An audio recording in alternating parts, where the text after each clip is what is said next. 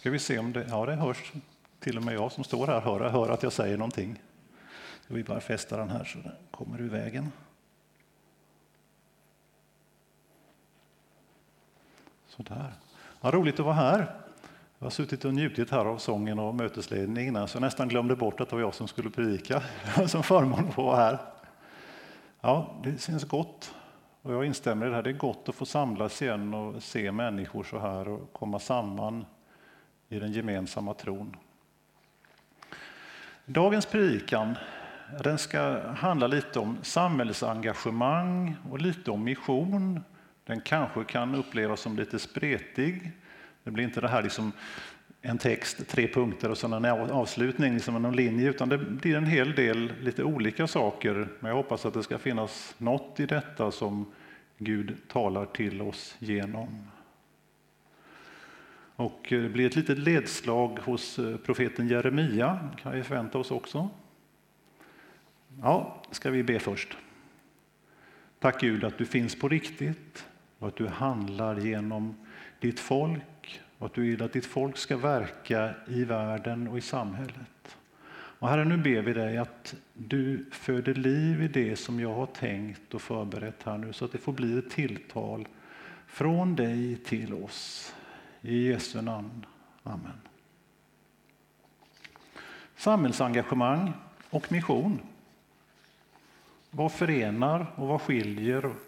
Och vad är liksom skärningspunkten? Hur ska man som kristen tänka? Jag tyckte det var inspirerande att höra om ert visionsarbete här. Jag såg att det var ute på nätet så jag hade förmånen att kunna lyssna igenom Johans tal här nu i veckan också. Och kanske kan mina ord få vara en liten inspel här också, också i ert arbete. Ja, hur som helst. Som ni nog känner till så var det kyrkoval i Svenska kyrkan förra söndagen. Tyvärr gick det denna gång lite sämre för den grupp som just jag tillhör. Vi tappade två mandat. Men även av motgångar kan man ju som bekant lära sig. Kyrkoval är en av de här märkligheterna som vi har i Svenska kyrkan. Svenska kyrkan har ju sina rötter som en statskyrka, alltså staten och kyrkan var ett. Och är kanske ännu i ja, cirka fem år till en kyrka som en majoritet av befolkningen i Sverige ännu tillhör. Det kommer inte vara så i framtiden. Någonstans fem år framåt så ligger den där skörningspunkten att man är inte längre en majoritetskyrka. Och sen kommer man fortsätta att förlora medlemmar. Man kommer få anpassa sig till en ny verklighet. Det säger någonting om vårt samhälle också. Svenska kyrkan kan ju aldrig bli alltså den här typen av föreningsliknande kyrka som en frikyrka är. Utan Svenska kyrkan är ju någon slags eh, halvkommunal inrättning om man säger så. Men som förhoppningsvis också på de flesta platser innehåller en gemenskap av gudstjänstfirande och bekännande kristna. Jag tror det var Luther som en gång talade om den lilla kyrkan i den stora. Och jag, som ni vet, och en del andra känner ju att vi har vår kallelse att verka i den organisationen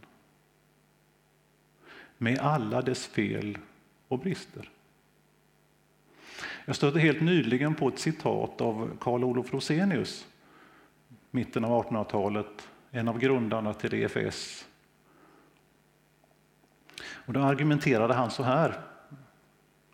Han argumenterade för att EFS skulle verka inom Svenska kyrkan bland citat, döda och ogudaktige lutheraner. Slutcitat. Och även om han och hans vänner egentligen kände sig mer hemma bland citat, levande och gudfruktige baptister. Slut på citat. Nu är inte jag, det var Rosenius 1856. Nu är inte jag lika full drastisk som Rosenius. Men eh, det jag säger kanske ändå kan vara en, en sorts delförklaring till, till mitt engagemang.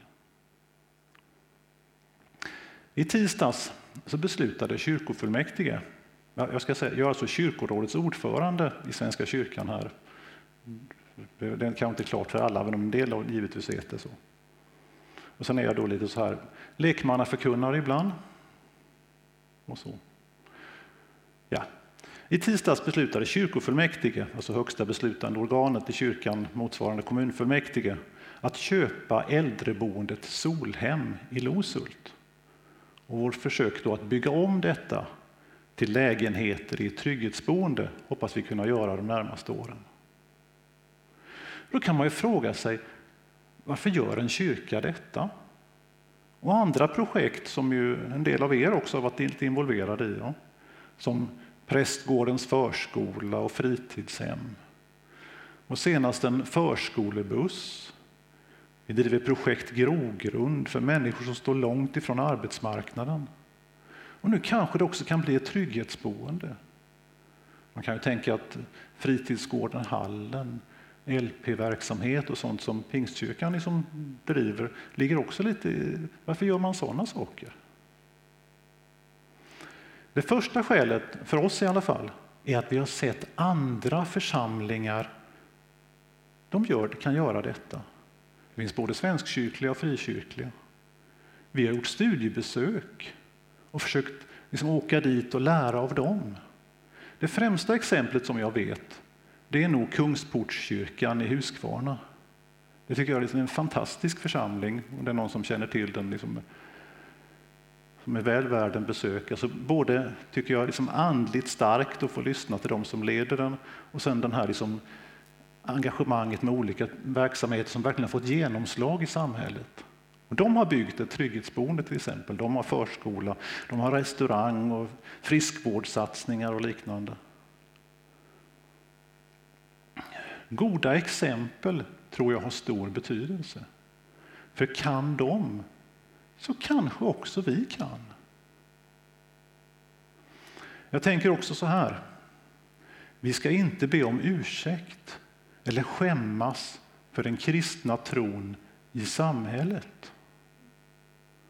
Vi har minst tusen år av kristen tro i Sverige. Två tusen år om vi ser oss som en del av Europa. Osby kyrka den har stått här sedan minst början av 1200-talet. Långt innan Osby som samhälle växte fram eh, kring järnvägen på 1800-talet. Det ger perspektiv på den kristna tron i Sverige och i vårt samhälle. Utbildningsväsendet det grundlades i medeltidens klosterskolor. Alltså då är vi liksom nere någonstans 11-1200-talet. På 1500-talet kom sedan reformationen. Ett första steg mot att sätta Bibeln i händerna på vanligt folk. Tillsammans med boktryckarkonsten som ju kom strax innan, så uppmuntrade det oerhört till läskunnighet. Senare på 1800-talet kom folkrörelserna. Först väckelserörelsen, sen nykterhetsrörelsen och sen arbetarrörelsen. Men väckelserörelsen var först. Och senare gav den upphov till EFS, Missionsförbundet, nuvarande Missionskyrkan Ekumenia och in i detta så föds ju sedan pingstväckelsen i början av 1900-talet. Pingstväckelsen med, stor betoning på individens möjlighet till förändring genom Andens kraft. Och detta har ju sedan fått stor påverkan på samhället inom till exempel arbete med missbrukare eller genom att driva företag och affärsverksamhet individens möjlighet i den heliga Andes kraft. Som kristna så är vi därför inga främmande fåglar som kommer och försöker plocka åt oss guldkornen i ett i övrigt harmoniskt samhällsbygge. Vi kommer inte utifrån. Vi har alltid varit här. Vi förvaltar arvet från allt detta som jag har nämnt genom historien. Den kristna tron har alltid funnits där. I Sveriges och i Osbys historia. Och faktiskt varit en helt avgörande byggsten i samhället. Så be inte om ursäkt, utan sträck på dig. Och var stolt över att du och jag och vi är med och förvaltar detta rika arv. Oavsett om en enda människa kommer till en personlig kristen tro så är det gott och rätt att bidra till ett gott samhälle. Ett exempel kan vi hitta hos profeten Jeremia. Profeten Jeremia verkar ju på 500-talet före Kristus. I en veritabel kristid för Guds folk. Det är ju alltså katastrofläge. Alltså vi kan tycka att det är kämpigt nu ibland. Men tänk på hur det var då. Efter århundraden av avfall från Gud hos Guds folk så för folk, förs folket i omgångar bort från Israels land, alltså Israel och Juda. Israel utplånas ju till och med, det är bara Judariket kvar till slut. Men folket därifrån förs bort i omgångar till Babel. Och det slutar ju med att Jerusalem helt förstörs. Då skriver profeten Jeremia till dem som har förts bort till Babel, ungefär nuvarande Irak. Då. Han skriver denna text. Jeremia 28, vers 4-7. Så säger Herren Sebaot, Israels Gud, till alla de fångar som jag har låtit föra bort från Jerusalem till Babel. Bygg hus och bo i dem, plantera trädgårdar och ät deras frukt. Ta hustrur och föd söner och döttrar och ta hustrur åt era söner och era döttrar åt män och må dessa föda söner och döttrar. Och föröka er där och förminskas inte och sök den stads bästa dit jag har fört er bort i fångenskap och be för den till Herren, ty då det går den väl så går det också er väl. Det är alltså Guds handlande. Han talar om jag har låtit detta ske, jag har fört er bort dit. Det är ju Herren Gud den allsmäktige som talar. Man säger bygga hus och plantera trädgårdar, alltså verka i det samhället. Ta plats. Sen ta hustru och föd söner och låt dem också få hustru och föda, föda liksom barn. Det visar ju som att det här kommer ju att vara ett tag. Det är inte liksom bara tillfälligt att ni har blivit bortförda där, snart kommer ni komma tillbaka, utan det blir generationer som kommer att få leva där innan man senare fick återvända. Just den här texten hos alltså Jeremia, den återkommer så småningom hos profeten Daniel och så småningom får de ju faktiskt återvända, men det dröjer. Så länge de är där ska de verka och som det står, sök den stads bästa dit jag har fört bort er i fångenskap och be för den till Herren. Ty då det går den väl så går det också er väl. Och Det kan ju få bli ett tilltal till oss som är kristna i västvärlden och Sverige idag. Där så mycket går kanske emot den kristna tron, men där vi också är kallade att verka i detta samhälle. Sedan vill ju jag och vi alla förstås också att alla ska få en personlig kristen tro och en relation med Gud. Om vi nu ska växla spår lite och tala lite om mission och evangelisation. Men vägen till en kristen tro, en personlig kristen tro, kan ju idag vara lång och snårig för kunskapen är inte självklar i vårt samhälle som den har varit tidigare. Därför behöver vi ibland ha lite långsiktighet också. Det var en man som en gång fick en fråga om hur hans missionsarbete skulle liksom utvärderas. Han fick frågan, har du fått skörda mycket? Har det många människor kommit till tro? Nej, inte mycket, sa han. Har du sått ut mycket då, planterat mycket? Nej, inte mycket, sa han. Vad har du då åstadkommit? Jag har städat undan mycket skräp och berett marken för dem som kommer efter mig. Och så kan det vara ibland. Någon bereder marken, någon sår och någon annan får till slut skörda. Uthållighet är också viktigt. Och samhällsengagemang kan vara ett sätt att bereda marken.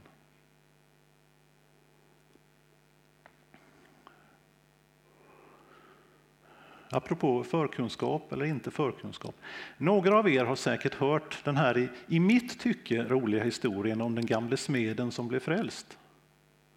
I alla fall, då är vi liksom kanske några generationer bakåt i tiden i en by där det fanns en smed som inte liksom levde som Gud ville utan han drack en del drycker och så använde han ett rikt, en rik vokabulär av grova ord om man säger så. Så det hördes långt ut på gatan när det var något som hade gått fel i smedjan och han blev upprörd på någon av sina lärlingar som han hade där. Men hur det nu än var, så när väckelsen gick fram i den byn så kom han in på ett möte en kväll och blev frälst, tog emot Jesus. Men sen dagen efter så stod han ju där i smedjan i vanlig ordning. Och då var det någon av hans lärlingar som råkade tabba sig ordentligt. Han förstörde något eller rent av slog smedjan på tummen. Och då, alla förväntade sig då liksom, ja, nu blir det liksom en fyra, fem grova eder här. Liksom han kom som gjorde det här. Han får verkligen veta att han lever och han skulle precis utbrista sig i det här. Och, nu, och så kom han ju på vad som hade hänt kvällen innan. Och då sa han istället för en tre, fyra, fem grova ord, Gud välsigne dig pojk. Men du vet vad jag menar.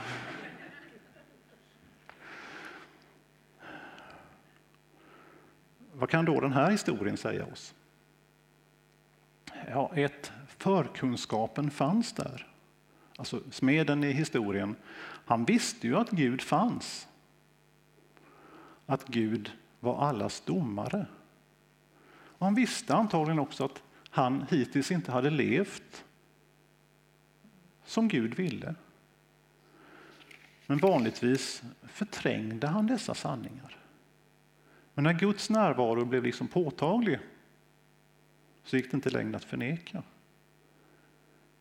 Men han kunde ta det steget ganska snabbt på en kväll för han hade liksom förkunskapen. Han hade liksom en kristen världsbild även om han inte själv var en bekännande kristen förrän Gud liksom påtagligt rörde vid hans hjärta.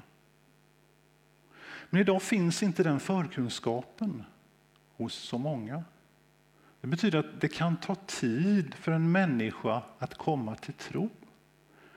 Det kan ta tid för att en förståelse, alltså en kristen helhetsbild, en kristen världsbild, att få fäste i en människas tankar så att man liksom förstår vad det är man har varit med om och vad man tror på.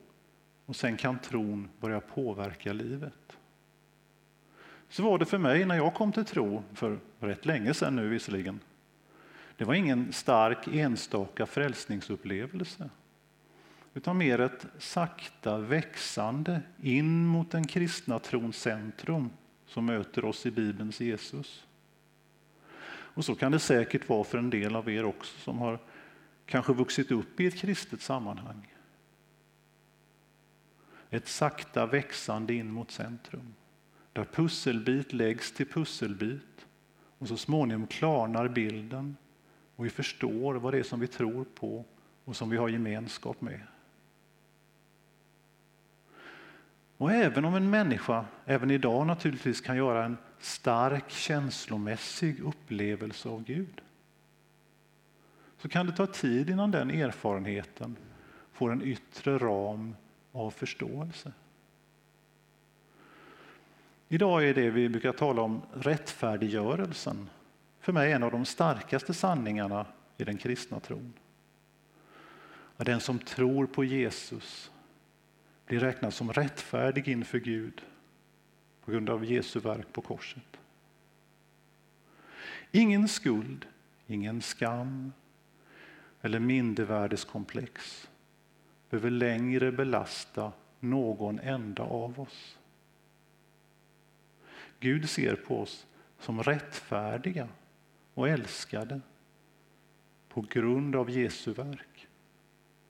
Och det gäller ju så att säga omedelbart när någon människa sätter sin tro till Jesus. Men när jag först kom till tro så betyder kanske gemenskapen egentligen mer än budskapet. Att få komma in i ett sammanhang där man tog frågan om Gud på allvar och kunde prata om den. Och att jag också upptäckte att det fanns skäl att tro att Gud fanns på riktigt. Det var inte bara min känsla av att det måste finnas något. Gud hade blivit människa. Det var en fast punkt att tänka utifrån. För mig är Romarbrevet 12.2 en viktig text. Där står det Anpassa er inte efter denna världen utan låt er förvandlas genom förnyelsen av era tankar eller förnyelsen av ert sinne som andra översätter det. Renewing of your mind har en engelsk översättning.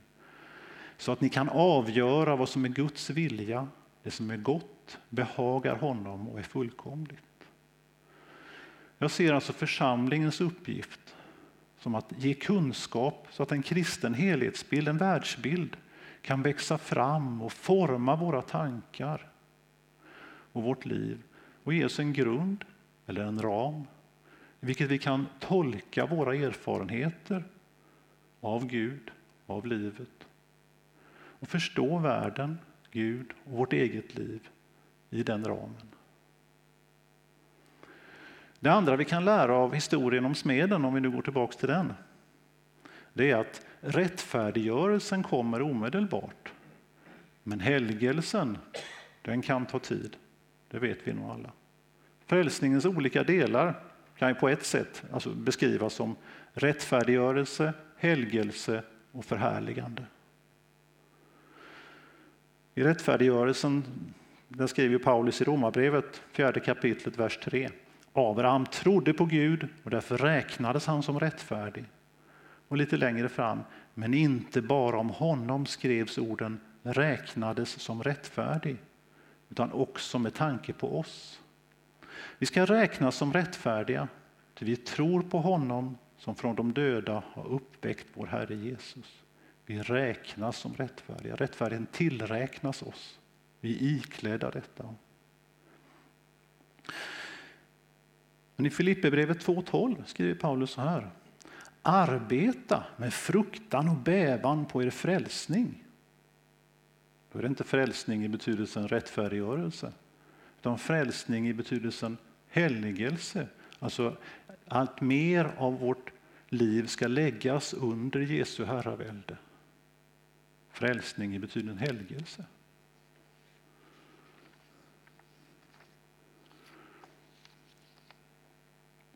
I första Petrusbrevet skriver Petrus så här. Då ni nu står nära målet för er tro, era själars räddning. Då är det så att säga frälsningen är målet där framme som inte är verkligt än. Då är frälsning i betydelsen förhärligande vid Jesu återkomst. När det slutligen ska bli frälst. När jag slutligen ska bli frälst. Då kan man säga att vi är frälsta, vi håller på att bli frälsta och vi kommer slutligen att bli frälsta.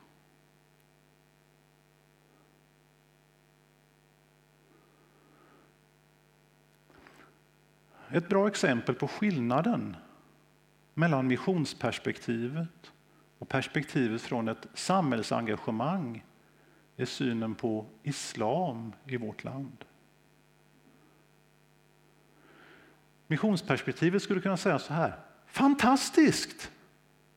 Människor från långt, långt borta har nu kommit hit.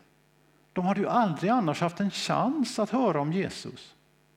Missionsbefallningen, gå ut och gör alla folk till lärjungar, blir möjlig att uppfylla på hemmaplan. Istället för att vi reser ut så kommer de hit. Och det är ju helt rätt. Det är en unik möjlighet som finns i dessa tider när människor rör sig över världen. Och där finns det många frågor att ställa sig. Hur kan då en muslim bli kristen? Vad är svårigheterna? Vad är möjligheterna eller anknytningspunkterna? Här finns mycket att försöka lära sig och samtala om. Men när det gäller samhällsengagemang, vad gör det med ett land när andelen med muslimsk bakgrund växer från cirka 2 procent till cirka 10 procent på den korta tiden av 30 år, från 1990 till 2020? Och islam har inga som helst historiska rötter i Sverige. Här kommer en annan fråga in, nämligen hur ska vi leva tillsammans? När vi nu har en betydande minoritet, eller kanske flera grupper i den minoriteten, med en helt annan kulturell bakgrund än majoritetsbefolkningen. Hur kan vi leva tillsammans i ett sammanhållet Sverige? Om nu islam står för en yttre utmaning, både för mission och samhällsengagemang, så finns det även inre utmaningar. En är vår kulturs känslofixering. Det vill, det vill säga att en människa, det en människa känner på insidan, det är på något vis alltid rätt. Alltså, alla människor har givetvis rätt till sin berättelse och får dela sin erfarenhet. Men det betyder inte alltid att det jag känner på insidan alltid är rätt. Den yttre verkligheten spelar allt mindre roll, eller ingen roll alls.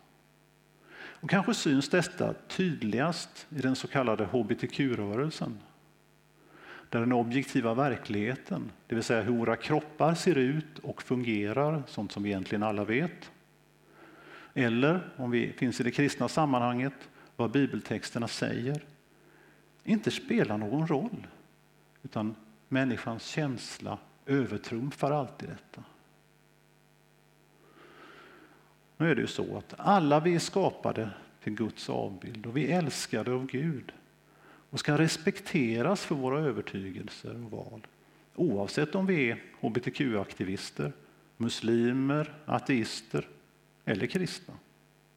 I ett samhälle så måste vi kunna leva tillsammans med våra olikheter och olika övertygelser. Och alla har ju precis samma behov av att lära känna Gud och få en personlig tro på Jesus och formas av den vandringen med Gud. Men i mötet med den här känslostyrda kulturen så måste vi våga hävda sanningsanspråken. Gud finns på riktigt. Det handlar inte bara om vad jag känner. Guds vilja kan faktiskt vara något annat än det jag känner är rätt. Det måste brytas mot en objektiv verklighet, både i skapelsen, våra kroppar och bibeltexterna. Och också mot andra människors erfarenheter. Det är rimligt och förnuftigt att tro att det finns en skapare. Och våra kroppar ser ut, de är skapade och ser ut och fungerar på ett visst sätt. Och att Gud har blivit människa, han har levt ett liv som ingen annan före eller efter honom dött på ett kors och uppstått igen. Detta har skett vid en speciell tid, på en speciell plats i historien. Allt detta går att undersöka, ge skäl och argumentera för. Och Det går ju att ge skäl för att Gud har gjort sig känd, uppenbarat sig genom Jesus och genom Bibeln. Så som Jesus är, så är Gud. Det Jesus säger, säger Gud. Vi måste insistera på att frågan vad är verkligen sant ställs och besvaras. Amen. Ska vi be? Tack Gud att vi får tillhöra dig, att du vill forma våra tankar och våra känslor. Låt allt det som har varit från dig i det jag har sagt bli kvar i oss och forma våra liv. I Jesu namn. Amen.